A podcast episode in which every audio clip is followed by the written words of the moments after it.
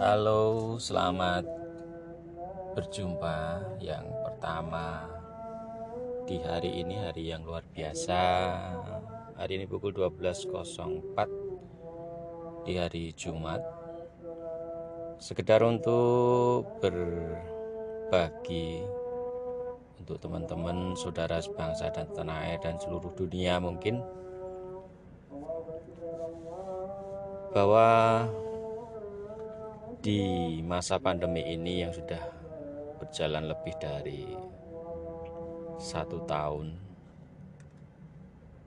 kita dihadapkan pada banyak hal tentang bagaimana harus menjaga diri kita terutama juga untuk orang lain atau sesama kita.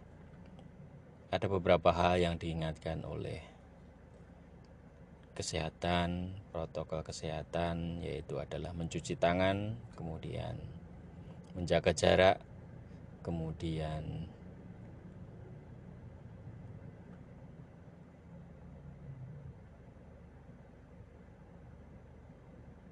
mencuci tangan, menjaga jarak dan mencuci tangan, menjaga jarak dan menjaga jarak dan memakai masker. Tentunya hal tersebut menjadi kehidupan baru atau new normal bagi kita di dalam kehidupan dan beraktivitas ini baik di dalam rumah maupun di luar rumah. Tentunya kalau di dalam rumah kita masih bisa fleksibel bersama keluarga yang tentunya ketika keluarga kita yang pulang dari mana pun harus cuci tangan, kemudian bersih-bersih, ganti baju dan sebagainya tapi dengan prinsip bahwa kita selalu menjaga jarak aman ketika di luar kemudian selalu memakai masker sudah menjadi sesuatu yang luar biasa supaya kita bisa terhindar dan terbebas dari penularan virus corona 19 yang masih ada di seluruh muka bumi ini. Sementara upaya-upaya negara sebagai melindungi segenap warga negaranya tentunya dengan selalu mensosialisasikan bagaimana cara hidup baru ini selalu berjalan. Tetapi begitu juga di masyarakat masih banyak yang belum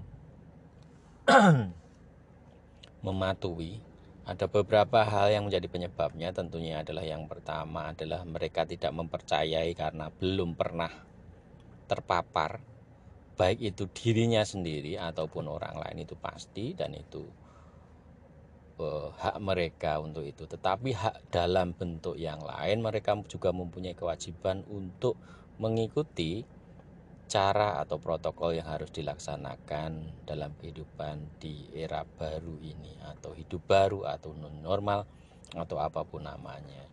Ketika mereka orang-orang yang tidak mempercayai dan tidak patuh dengan protokol ini, berarti mereka adalah orang-orang egois karena kalau kita dipikir dalam satu daerah, dalam suatu kawasan, negara, kemudian dunia melihat apa yang terjadi baik melalui dalam berita atau apa pun, Kemudian mereka tidak mempercayai konspirasi dan sebagainya sebagai bentuk kepentingan mereka untuk tidak mempercayai itu ada hal-hal yang menjadi hak tetapi dilihat dari semuanya adalah sesuatu yang bisa dianggap bodoh.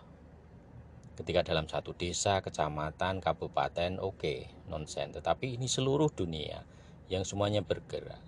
Tentunya harus bersama-sama. Ketika orang yang pertama kali tidak mempercayai dan melakukan protokol kesehatan itu, itu adalah menurut banyak orang juga mengatakan hal yang bodoh.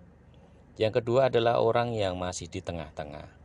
Artinya ketika mereka berdekatan dengan orang yang tidak mempercayai dan dengan gaya mereka lebih tahu, lebih ahli daripadanya ahli kemudian orang-orang yang dekat mereka itu mereka sasungkan juga mereka akan mengikut condong ke orang-orang yang tidak percaya dan tidak mematuhi protokol ini tapi ketika mereka berada di dalam lingkungan orang-orang yang patuh dan taat akan protokol ini mereka juga akan melakukan protokol ini. Nah, dua dua yang kedua ini adalah orang-orang yang tidak punya prinsip, kemudian mereka juga bisa dianggap untuk masuk ke dalam orang yang pertama tadi, percaya tetapi tidak melakukan.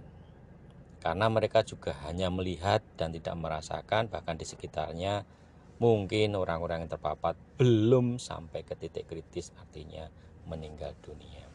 Dan mereka banyak yang sembuh, Artinya kita juga bersyukur ketika terpapar COVID ini mereka juga sembuh dan tidak harus meninggalkan orang-orang yang dikasih atau meninggal dunia. Kemudian orang yang ketiga adalah orang yang patuh akan protokol. Patuh akan protokol ini karena mereka tahu, mereka percaya, dan mereka menurut pada ahli-ahli yang tentunya sudah ahlinya ahli dalam segala hal ini. Nah, kemudian ada juga orang yang keempat adalah orang yang menurut protokol tetapi dengan prinsip yang sangat-sangat ketakutan dan khawatir ketika melihat informasi itu terlalu dibesar-besarkan. informasi yang tidak akurat. Contohnya ketika dulu bahwa itu bisa menular lewat udara. Oke lah bisa menular lewat udara, tetapi ketika protokol itu terjadi, masker, jarak, cuci tangan, adalah sudah lebih dari upaya untuk menghindarkan itu. Kemudian mereka tidak mau keluar rumah dan sebagainya, aktivitasnya berkurang.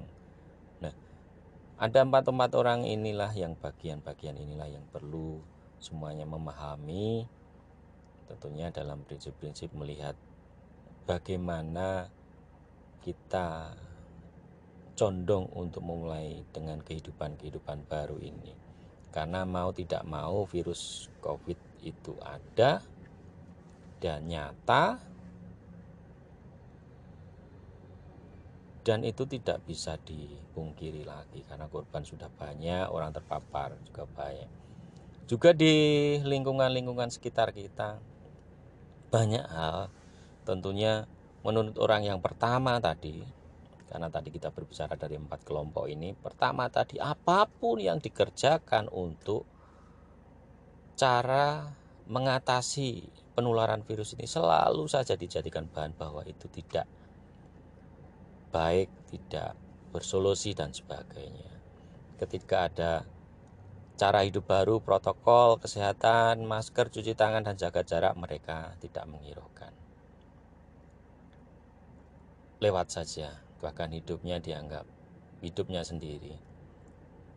Kita bilang mereka adalah bodoh dan egois.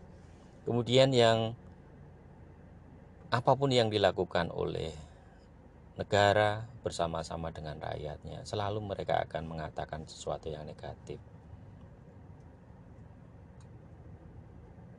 Kerumunan jelas karena itu tidak ada jarak meskipun mereka pakai masker atau cuci tangan tapi kerumunan adalah mengundang bagaimana orang-orang itu bersinggungan ketika itu menjadi cara yang mungkin sedikit tetapi itu bisa berpengaruh pada banyak orang kemudian hal-hal wisata pertokoan dan kerumunan yang undang-undang kerumunan dibatasi mereka pun mengatakan ketika ibadah dibatasi tetapi pasar wisata tidak dibatasi. Nah, pemikiran-pemikiran ya tersebut tentunya juga tidak bisa dibenarkan karena mereka melihat dari satu sisi pandang dan kepentingan. Kalau berbicara dengan hal yang benar dan baik ya urusan pribadi masing-masing ketika kerumunan tidak boleh di tempat ibadah ditata mereka mengatakan itu menghadap Tuhan Nah, segala sesuatunya kan ini hidup di dalam dunia. Ketika mereka mengatakan wisata boleh, ini kan bentuk cara menghidupi kehidupan oleh Tuhan kepada sesamanya, kepada ciptaannya supaya tetap hidup dalam ekonomi. Ketika ibadah kan orang-orang patuh. Dan tentunya itu harus selalu dilihat dari segi positif dan tidak dilihat dari mana arahnya. Ketika tempat-tempat ibadah menjadi klaster-klaster, ya bagaimana kita akan mencegah. Ketika pariwisata menjadi kasir later ya bagaimana kita akan mencegah. Dua-duanya harus berjalan seimbang tetapi tidak menghentikan bagaimana kehidupan ini berjalan baik untuk makan baik untuk bersosiali dan sebagainya